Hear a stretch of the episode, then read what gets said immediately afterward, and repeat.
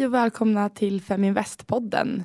Jag heter Anno och är projektledare här på Feminvest som är Sveriges största investerarnätverk. Och jag sitter här igen med Eva. Hej Eva! Hej Anno! Vad härligt att vara tillbaka. Ja men det är så härligt. En vecka, det var en vecka sedan, nu är det kul att ses igen. Ja verkligen. Vi börjar komma in i den här rutinen nu. Ja, det är härligt. Ja, och idag ska vi prata om investmentbolag som är ett väldigt aktuellt ämne. Mm. Eh, och dagens gäst är Tuva Palm som ska prata lite mer om fintech och techbolag. Så det blir spännande. Häng med oss. Det blir kul. När man ska köpa sin första aktie så är det många som rekommenderar att man ska köpa just investmentbolag. Och anledningen är väl att de fungerar som fonder fast lite smalare. Mm. Men vi ska utveckla det här lite. Vad är, vad är egentligen ett investmentbolag? Ja, eh, man kan väl säga enkelt förklarat så är det ett företag vars, vars affärsidé är att förädla och förbättra andra företag. Eh, så att investmentbolag äger andra företag och då försöker påverka, effektivisera, utveckla affärer eh, eller bolagen framåt. De har ofta ganska mycket pengar och inflytande, vilket gör att de kan sätta sig själva i styrelsen och då genom, genom att vara mer eller genom att delta då i styrelsearbetet vara mer aktiva ägare än vad då till skillnad ett fondbolag kanske kan vara. Eh, om man investerar i ett investmentbolag så får man en bra riskspridning för de har ju flera bolag i sin portfölj eh, och indirekt så blir man ju delägare då i alla de här underliggande bolagen. Men vad är skillnaden mellan ett investmentbolag och en aktiefond? Ja, det, det, finns ju många likheter för att både investmentbolagen och eh, aktiefonderna de äger ju flera olika bolag. Eh, det finns dock en hel del skillnader. Det ena är ju att eh, fonden den är ju beroende av alla kapitalflöden som kommer in och ut och måste alltid ligga investerade med de pengarna. Det vill säga att när andelsägare köper eller säljer i fonden så påverkas ju innehaven. De måste köpa på sig mer eller de måste gå ur eh, vissa innehav. Och det här kan naturligtvis påverka vilka bolag de fonderna kan investera i. För det är inte alla bolag. Om det är ett litet bolag du investerar i så kan du inte gå in och ut med hur mycket kapital som helst. Investmentbolagen, är de, där är det ju värdet på investmentbolaget som påverkas eftersom de är noterade på börsen. Eh, så de har ju inte alls den här problematiken med eh, kassaflödena. Och sen är det naturligtvis också avgifterna helt enkelt. Och hur fungerar det då med avgifterna? Tar de ut en förvaltningsavgift som fonder gör? Nej, det gör de inte. Eh, en fond har ju en förvaltningsavgift som ska täcka de kostnaderna som fonden har. Eh, I ett investmentbolag så får man istället titta på kostnaderna i eh, bolaget helt enkelt. Um, om de har uh, höga eller låga kostnader i förhållande till uh, kapital och det kan, man, det kan man räkna fram för respektive bolag. Jag bara gjorde en, en ett snabbt eh, överslag här eh, förra veckan på Industrivärden, Investor och eh, Melker Schörling som är tre investmentbolag. Och, eh, då kan man se att om man tittar då kostnader i förhållande till kapital så Industrivärden ligger på 0,15 procent, Investor på 0,18 och Melker Schörling på 0,03 procent.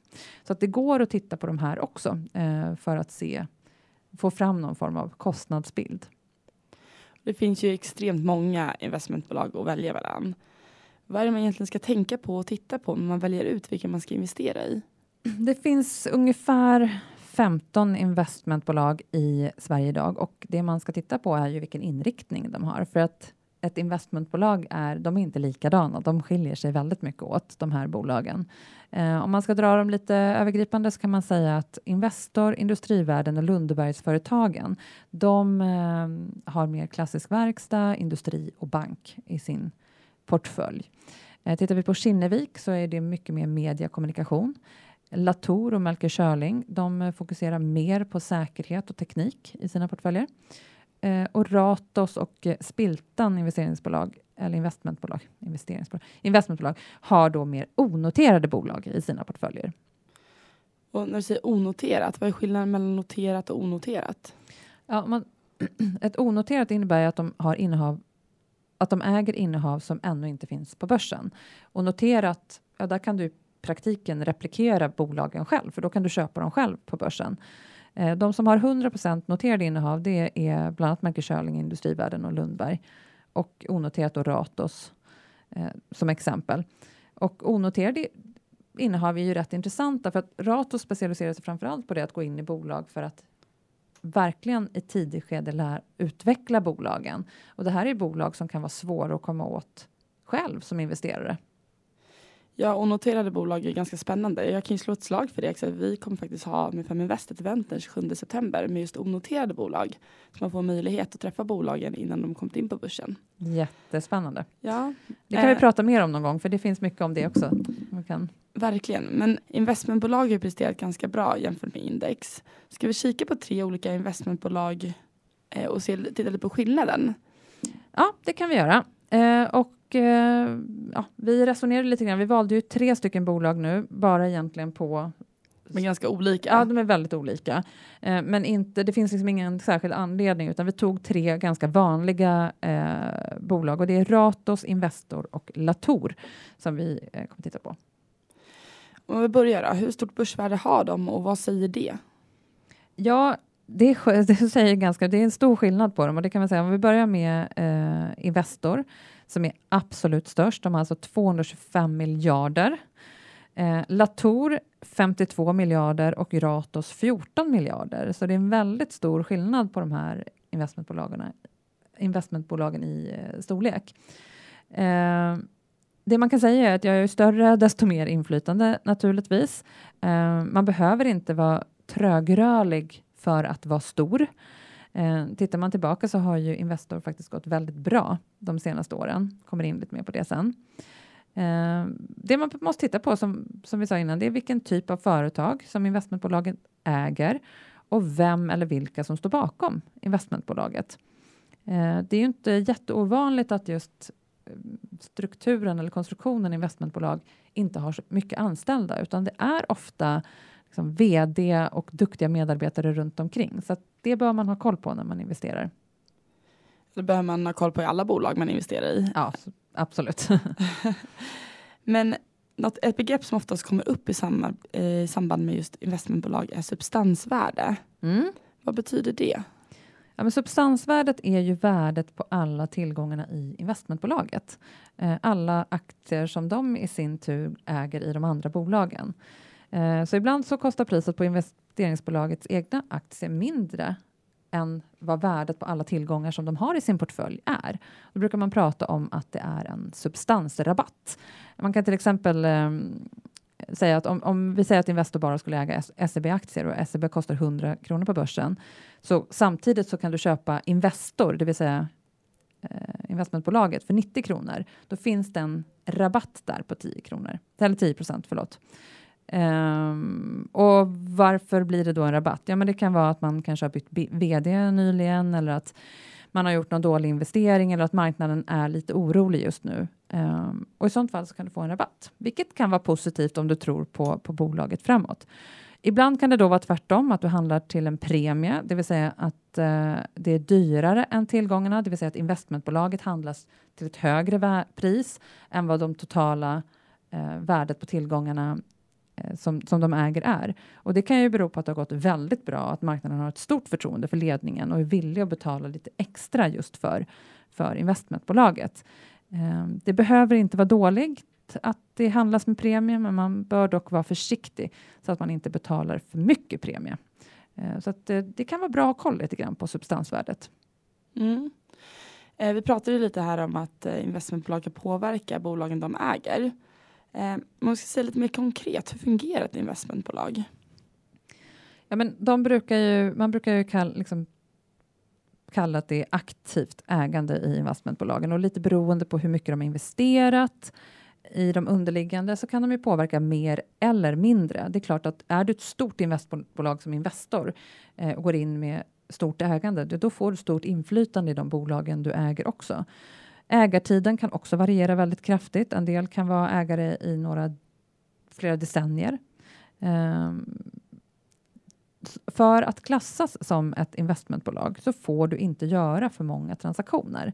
Så det är också, det finns en regel för att få kalla sig investmentbolag, för annars kan man bli en hedgefond istället. Utan eh, du, du, får, du måste vara långsiktig och ta ett aktivt ägande i bolagen. Det finns exempel där man faktiskt har tagit eller blivit av med, jag tror att Bure blev av med, med eh, investmentbolagsstatusen 2000 därför att de just gjorde för många transaktioner. Um, och anledningen till att man vill vara ett investmentbolag, bara om man är undrar varför man inte då vill vara hedgefond, det är att man kan sänka, det finns skattefördelar, man kan sänka bolagsskatten genom att dela ut en utdelning till aktieägarna. Så det är liksom hela syftet med eh, investmentbolagdelen. Om vi kikar på de här tre bolagen, mm. eh, hur har utvecklingen gått de senaste ett, tre och fem åren? Hur ser det ut? Ja, eh, och då är det ju Ratos Investor och Latour vi tittar på och det man kan säga är ju att både, om, man tittar, om vi börjar med att titta ett år tillbaka i tiden så kan vi se att både Investor och Latour faktiskt har utvecklats bättre än börsen. Eh, så de, ja, jättebra. Mm. De har, eh, de har haft en eh, starkare utveckling än eh, Six Return som jag jämför med just på de här. Eh, Ratos däremot har ju gått kräftgång faktiskt och faktiskt gått negativt eh, ganska rejält jämfört med börsen de sen, det senaste året.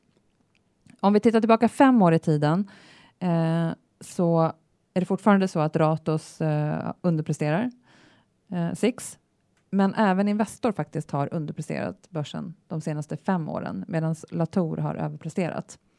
Så att eh, det skiljer sig de här emellan så att det, man bör ha koll på de olika bolagen också. Vi ska väl också säga att det historiska behöver inte betyda att det kommer gå så i framtiden heller. Absolut inte. Men om vi tittar på Ratos som har haft det ganska kämpigt. Eh, mm. deras vd fick även avgå här innan sommaren. Precis. Vad har det för påverkan för bolaget och börsen?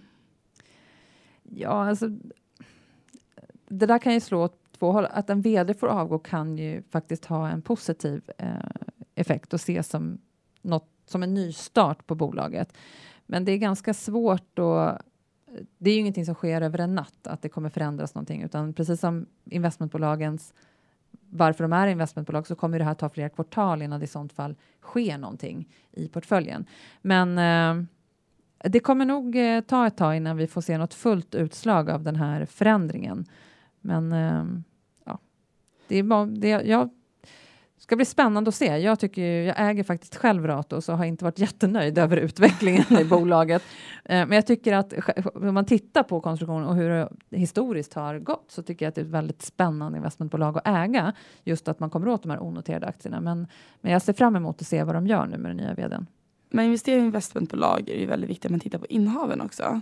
Man kan titta på till exempel vilken bransch investmentbolagen har stor exponering mot. Det var någonting som vi var inne på lite tidigare. Mm. Hur ser det ut just de här tre bolagen?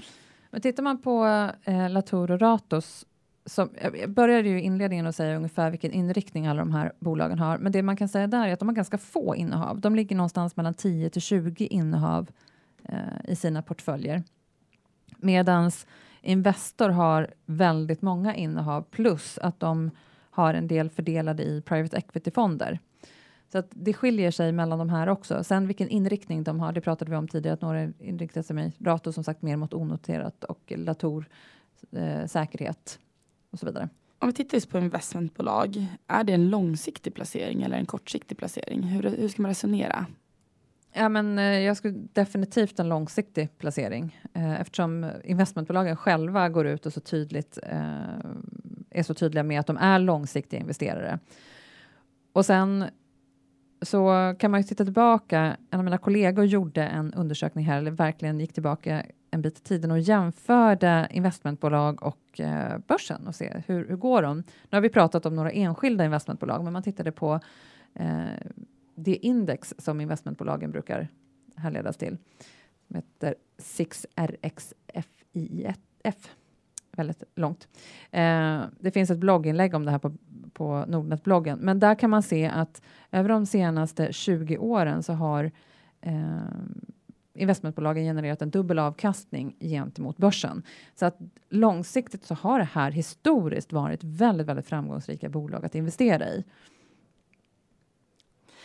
Um, när vi pratar om investmentbolag så industrivärlden var det ju lite skriverier om förra veckan. Mm. Handelsbanken sålde ju sina aktier där.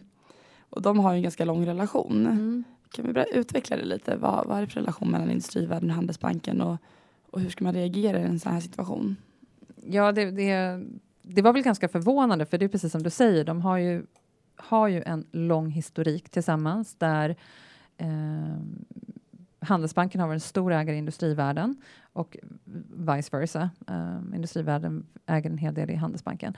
Uh, historien är ju egentligen att eh, uh, Industrivärden tillkom ju som ett avknopp från Handelsbanken på 40-talet tror jag det var när bankerna inte fick äga aktier och de fick då utdelning i det här i, och knoppade av det och startade igång ett investmentbolag.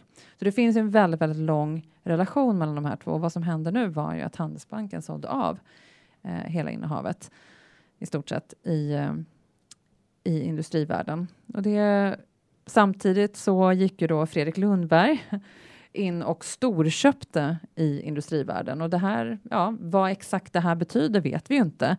Um, vi får väl, eh, vi får väl se. Jag tror att uh, någonting kommer väl att hända. Det, man kan ju spekulera lite grann i om uh, Lundberg Köp av industri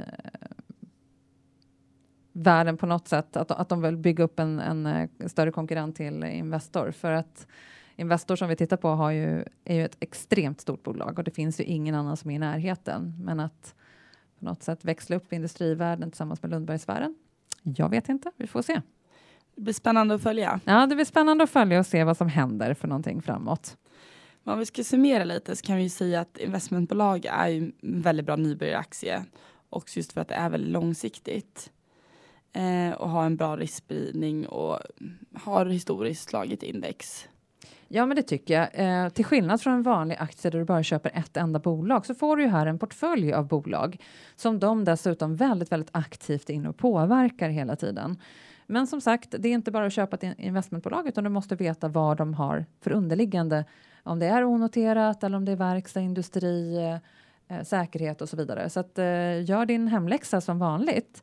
Eh, men eh, bra första val tycker jag, som när man ska in på aktiemarknaden. Ja, verkligen. Det är bara ut och leta. Ja.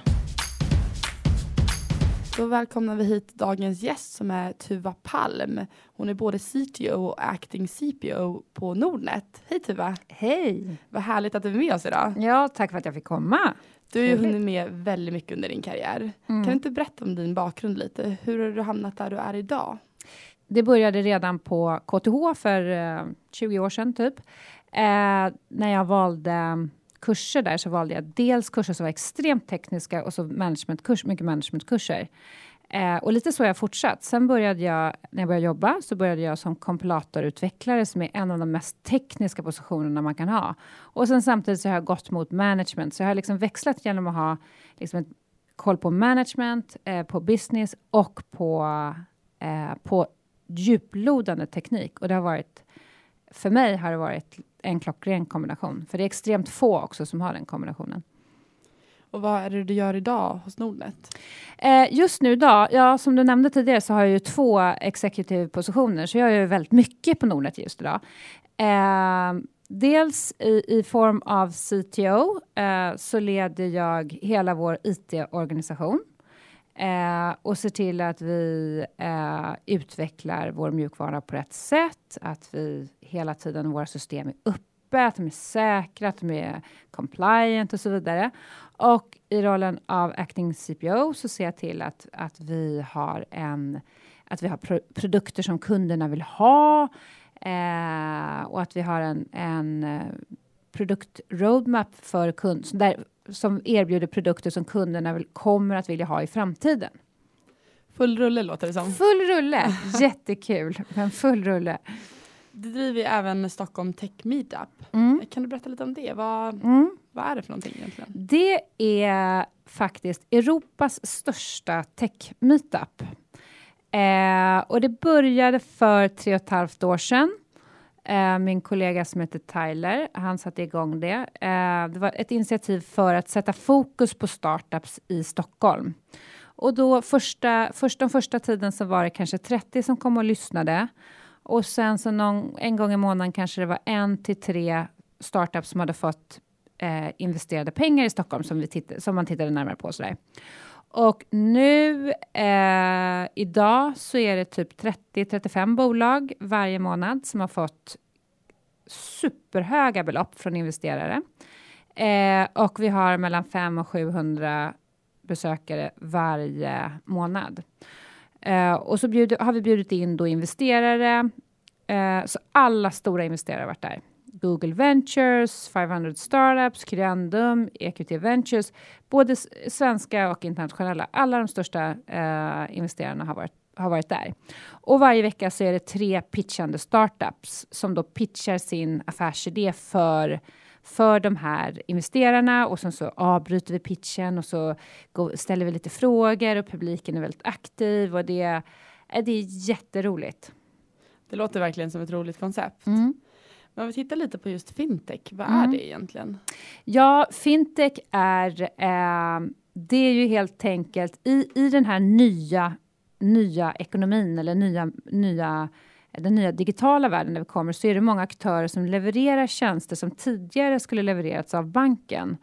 Eh, se till exempel på Klarna som levererar betaltjänster, eh, iSettle som levererar en, en, en, eh, eh, en annan typ av betalprodukt. Och det, det kommer upp eh, sådana aktörer. Man kan säga att Nordnet var en av de första fintechbolagen. Då, fanns, då, hette, då hette det inte fintech. Eh, men det det är ett nytt bolag som gör en finansiell service eller, av något form. Och det är väldigt växande. Ja. Var, vart är vi på väg någonstans tror du? Eh, ja, vi ser ju, och det är egentligen inte bara i, i, den, i vår bransch, det är ju alla branscher vi ser att det händer, det är ett stort skifte som sker nu. Och eh, storbolagen, oavsett bransch, de, de bör vara lite skrajsa, skrajsna nu. För det är just den här digitala eh, revolutionen, ska man nästan kalla det för. Det kommer leda till att vi kommer se så extremt många små aktörer de närmsta året ta kunder från storbankerna. Och hur påverkar det de här stora bolagen? Just idag kan man ju säga att alla storbanker har mer eller mindre panik och de försöker gå in i det här fältet på olika sätt. Och eh, som jag ser det så har de tre olika strategier. Antingen eh, så, eh, så tycker man att man, man, ja, man, ska, man, försöker, eh, man försöker implementera eh, man försöker, implement, man försöker liksom anamma den här nya tekniken in-house. Så man försöker bli som ett modernt bolag. Eller så försöker man partna upp med den här typen av nya bolag. Vi har till exempel Nordea och Wrap. Eh, och det är väldigt framgångsrikt för de, Nordeas varumärke står för trygghet, säkerhet. Wrap, det, det är liksom lite roligt, just for fun. Och de kommer all, varumärkena är så pass distinkta så att ett partnersamarbete där är väldigt gynnsamt exempelvis. Och sen har vi de bankerna som eh, samarbetar mer närgående med de här nya aktörerna, typ Ålandsbanken som, som via Dreams eh, har erbjuder liksom backend banktjänster till kunder via en ny aktör. Kan man säga att trenden är lite att man börjar samarbeta med andra bolag? Absolut, absolut. Mer eller mindre, absolut. Det, det är ju en trend. Och också, de, alla storbanker har ju gjort en stor satsning på att investera i fintech. Och ni har ju startat här på Nordnet, Nord, Nordnet Ventures. Ja, precis. Vi är också, varit, vi är också på den pucken. vad är det man letar efter i startup? Du kan ju dra en liten kort summering vad det är också. Ja, det är eh, Nordnet Ventures är ett initiativ att hitta hitta spännande fintechbolag som vi kan investera i och samarbeta med. Och det har ju helt enkelt eh, det har ju växt fram ur vårt framgångsrika samarbete med eh, Sharewill som vi först investerade i och började samarbeta med och sen köpte upp helt. Eh, men just att vi, vi vill hitta en, en ny Sharewill. Och vad är det man letar efter då? Vad tittar man på i de här bolagen? Eh, vi tittar efter ett bolag där vi kan ha gemensam, eh, gynnsamt för båda parter, någonting som kan vara gynnsamt för båda parter, någonting som vi kanske inte kan bygga internt och eh, någonstans där ett, ett, ett partnersamarbete kan, kan vara gynnsamt. Hitta synergier? Ja, en synergi, synergieffekter. Hur, och vi ser, nog, vi ser ju mer där att hell, vi hittar hellre en om ett år än tio. Alltså vi, vi, vill ha, vi vill ha den här super, det här superinnovativa företaget med ett superbra team eh, som har en jättebra affärsidé och har allting är supercrisp. Så vi, vi letar med, vi letar efter en, en, eh, en diamantring i en höstack. om det är någon som lyssnar som har den här diamantringen så får ni kontakta. Ja, Ja. verkligen. Ja. Men hur påverkar den här tekniska utvecklingen startups? För det måste också vara en utmaning för dem att ligga i framkant hela tiden. Ja, eh, sen går ju faktiskt teknikutvecklingen åt det håll att det blir lättare att komma igång med saker. Och så här, en, en, eh, en trend som började ge redan för 22 år sedan med när Java, programmeringsspråket Java släpptes, som jag jobbade med tidigare, eh, är att man går från att utveckla allting själv till att ha mer och mer moduler så man bara sätter ihop någonting så blir det en applikation. Så att eh, vi har sett de närmsta 20 åren att teknikutvecklingen går så pass att det blir enklare, går snabbare att få ut saker och den här utvecklingen har ju bara börjat. Nu har vi till exempel bolag, det finns ett bolag som heter Weld där du kan sätta upp din egen eh, eh webbsida med eh, mobilapp på två, tre minuter. Eh, även om du inte kan programmera. Och det var inte möjligt bara för två, tre år sedan. Och vi kommer se mer sånt. Och därför kommer vi också se mer startups. Det är en väldigt spännande industri och den växer och växer. Ja. Eh, vad, vad tycker du är den största förändringen de senaste åren inom tech? Jag tycker, eh, eller jag märkte, jag brukar dra en historia och det, för några veckor sedan, eller det var nog innan sommaren kanske, så var jag på ett möte här med eh, ett bolag och då skulle vi träffa vdn och en annan person. Och jag visste inte riktigt vad den andra personen skulle göra, men vdn skulle komma och tog med sig någonting. Jag kommer in i rummet och där sitter en kille med kostym och så sitter en kille med eh, sneakers och hoodie och t-shirt. Och jag går genast fram till killen i hoodien och tänker så här, här är vdn. Hej Tuva! Och det var ju det också. Men jag insåg sen efter, efter att det har skett ett stort skifte, att de här stora aktörerna, det, de, de är inte samma maktfaktor som de var för fem, tio år sedan. Utan vi ser mindre aktörer, de, blir, de får större och större på, påverkan och eh, det skiftet kommer vi fortsätta se. Eh, ett annat exempel är Nordstedt och Storytel. Nordstedt är en sån här gammal, gammal räv på förlagssidan. De, liksom ett stabilt, gammalt, stort bolag. Storytel är en digital ny uppstickare som eh, ja, som man inte har, liksom, man har ju sett reklamen och eh, liksom, men ändå känns ändå som en, en uppstickare verkligen. Och så går de och köper upp Nordstedt. Och jag tror att den, det där kommer vi se flera andra marknader. Det växlar liksom. Mm, det byter om lite, Ja. ombytta roller kan man säga. ja. Om du har några tips till våra lyssnare, vad ska man ha utkik efter om man nu är intresserad av att investera i lite startups med just fokus på tech? Ja, ska man investera i startup då måste man ju först vara medveten om att risknivån är extremt hög. Eh, man brukar säga att att av de, för, för, de av tio bolag så överlever ett ett år. Och sen är det ytterligare en av tio eller någonting som blir, som blir framgångsrika. Eh, så det där gäller ju att gå med hjärta och med magkänsla. Eh, som alltid när man, gör, när man investerar med någonting som är hög risk. Men de, de områden kan jag säga som vi kommer se ha, få en stor frammatch. Det är ju dels eh, fintech och där är vi, den, har, den boomen har lite grann redan börjat. Eh, och en anledning till att vi ser en så stor boom här det är att det finns så mycket pengar i bankerna. Bankerna tjänar alltså i snitt 16 000 kronor per, per kund och år. Eh, och eh, de är samtidigt i regel ganska långsamma på att komma ut med ny teknik så de hamnar naturligt ganska efter och det är ett, att, ett attraktivt mål för de här eh, innovativa startupbolagen.